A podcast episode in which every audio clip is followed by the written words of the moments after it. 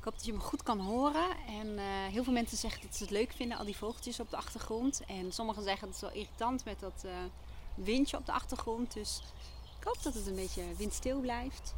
En uh, ik ben ook die maloot die met het mooie weer in een vest zit. Ik heb het heel snel koud. En ehm, ik heb een zonnebril op, anders krijg je zo'n knijpoogjes video. Hey, even wat ik met je wilde delen.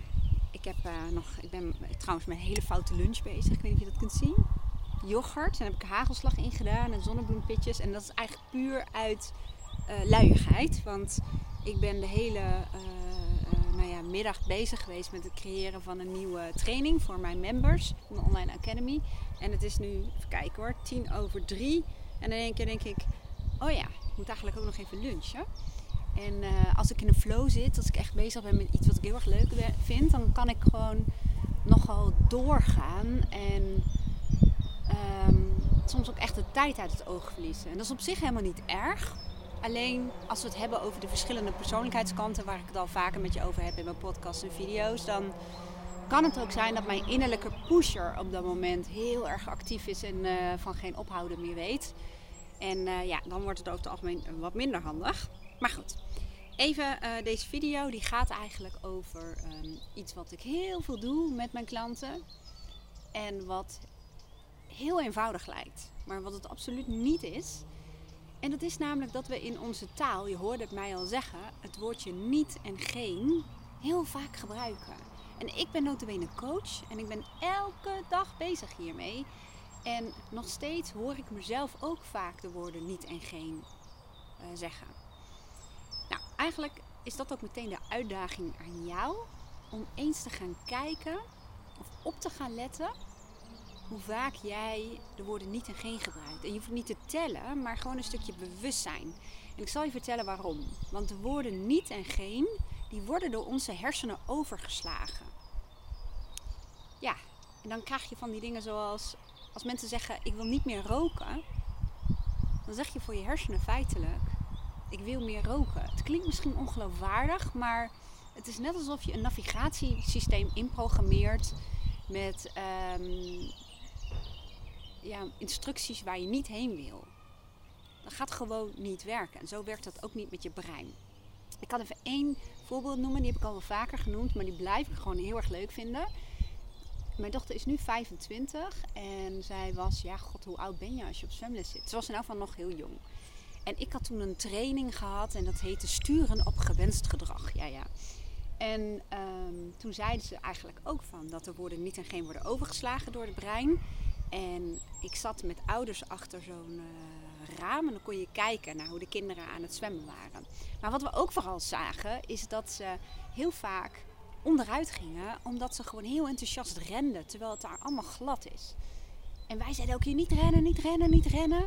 En in één keer dacht ik, ja, maar zo werkt het dus niet. Dus in één keer zei ik, ik ben een experiment, ik ga wat proberen. Dus ik ben naar die kindjes toe gegaan en ik zei, als jullie daar lopen, daar dat stukje, moet je rustig lopen. Dus ik heb gezegd wat ze wel moesten doen. En echt waar, zo briljant. Ze deden het. Vanaf dat punt ook.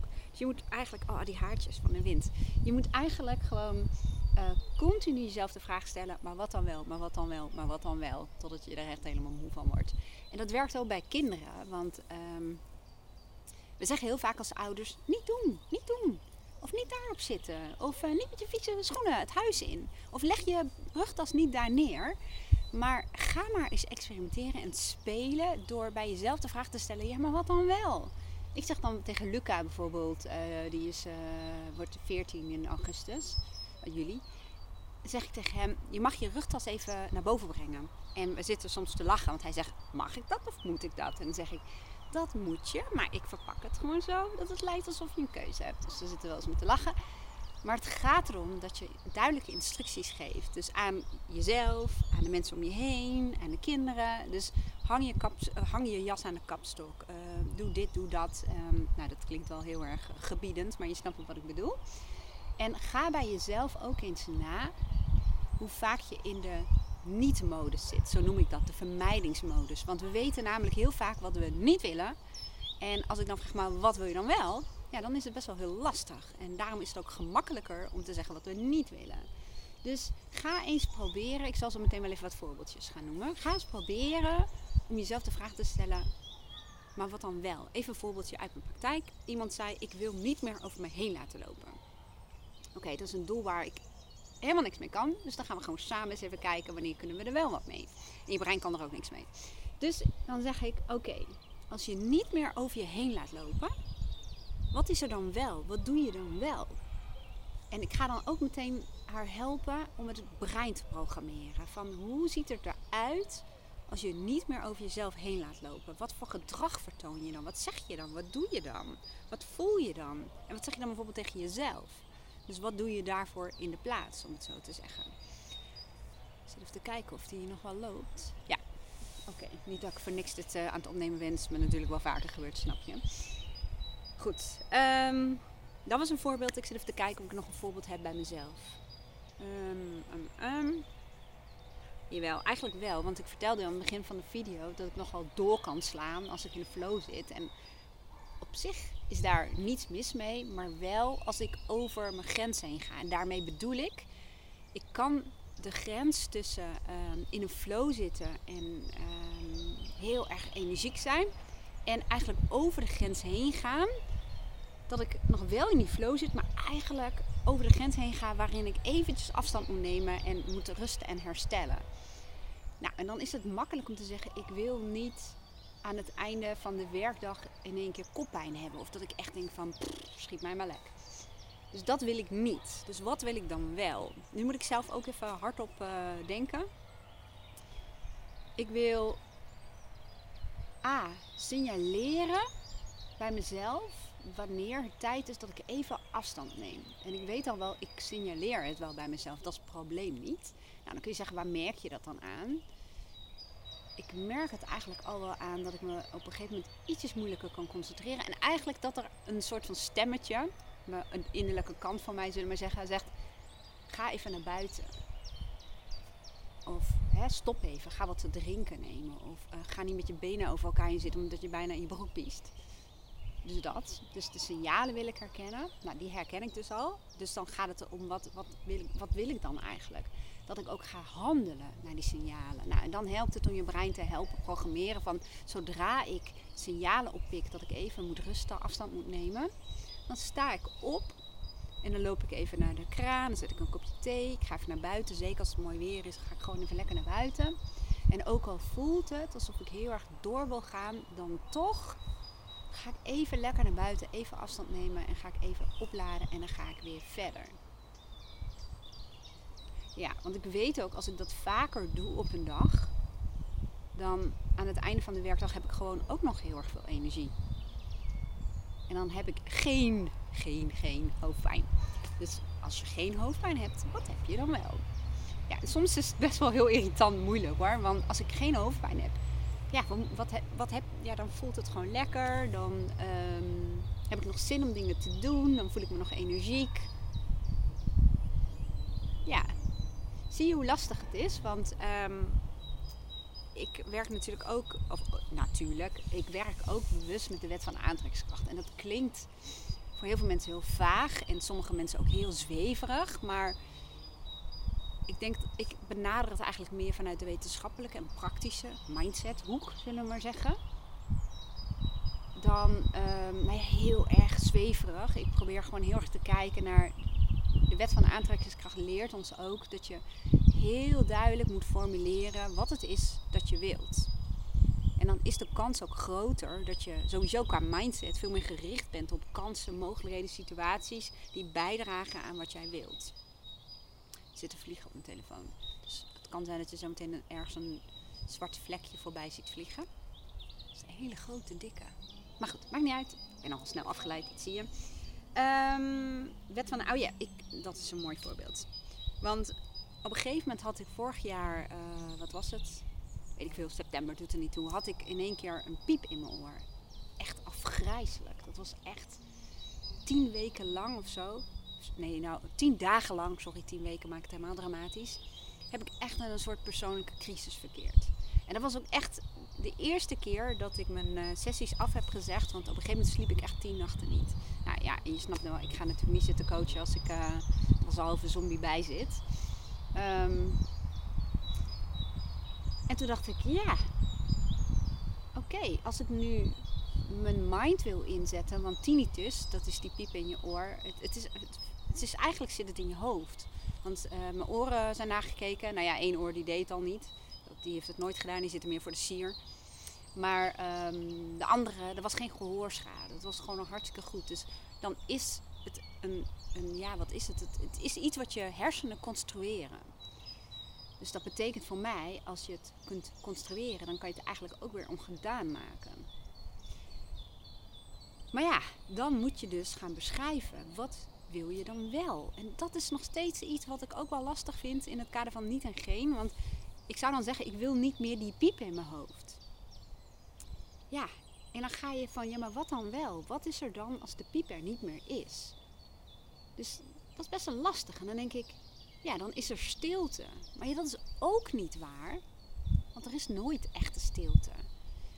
Dus eh, ik wil daarmee eigenlijk ook aangeven, het is behoorlijk lastig, maar als je er um, de tijd voor neemt en jezelf erin traint, zul je merken dat er meer in je leven gebeurt van wat je wel wilt.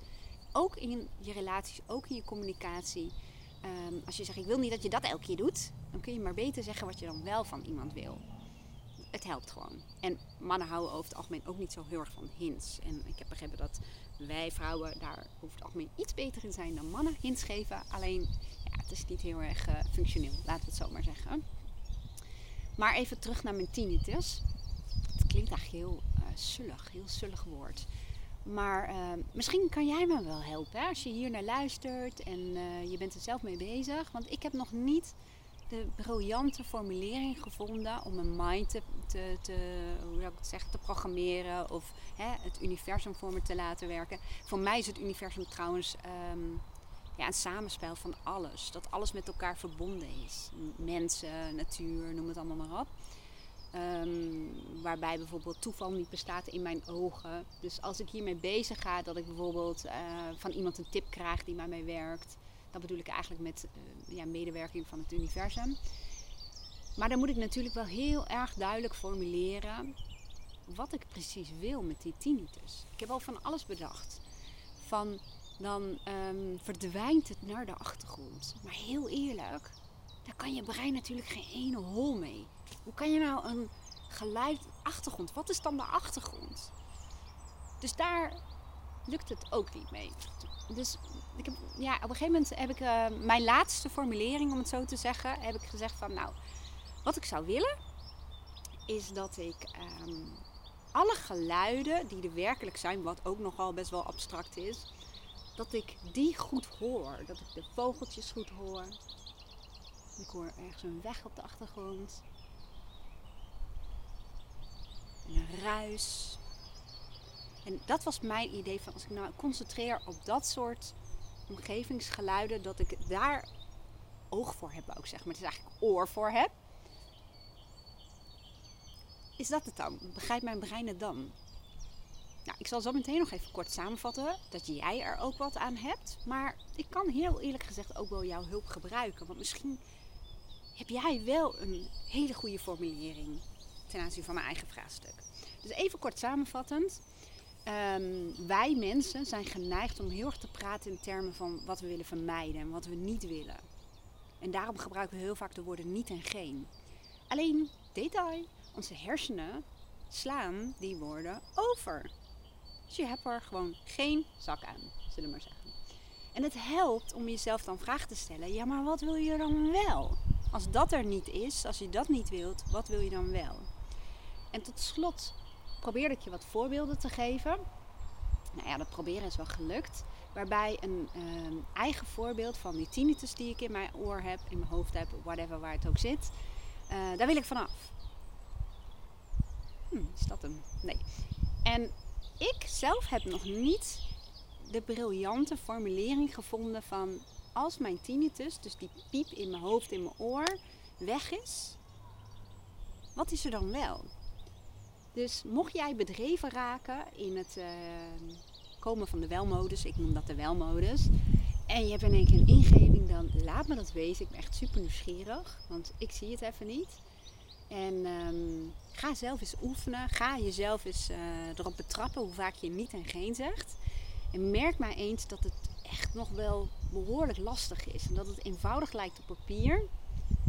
Maar dat het in werkelijkheid niet zo is. En wij thuis, wij, met, bedoel ik met Aaron, Lisa en Luca, ehm, wij zitten elkaar vaak daarop uit te dagen. Af en toe kunnen ze me wel uitkotsen hoor, dat moet ik wel eerlijk vertellen. Maar dat zeggen ze ook. Het is gewoon moeilijk. Het is gewoon moeilijk om dat uit te leggen. Het is iets wat we um, niet zozeer hebben geleerd. Maar toch is het absoluut de moeite waard om, uh, om dat gewoon eens te gaan proberen. Nou, ik hoop dat je me goed hebt kunnen verstaan. Ik uh, mezelf wel, ondanks de piep in mijn, in mijn hoofd, in mijn oor, whatever waar het ook zit. En uh, nou, ik hoor heel graag van je.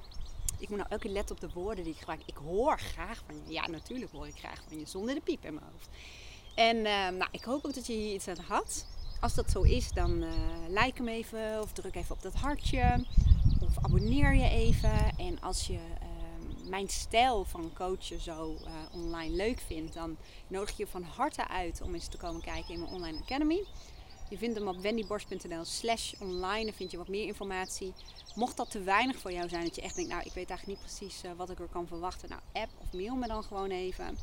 Bellen mag ook, maar ik zit vaak in gesprek en dan, uh, nou ja, dan blijf je bellen. Ik heb met heel veel mensen zo'n voicemail relatie, dat we elkaars voicemail inspreken, zullen we maar zeggen. En uh, nou goed, dan help ik je gewoon even verder en dan geef ik wel meer informatie. Ik wens je echt een krankzinnig fijne dag. En dankjewel voor het luisteren of het kijken. En tot de volgende keer. Doei doei!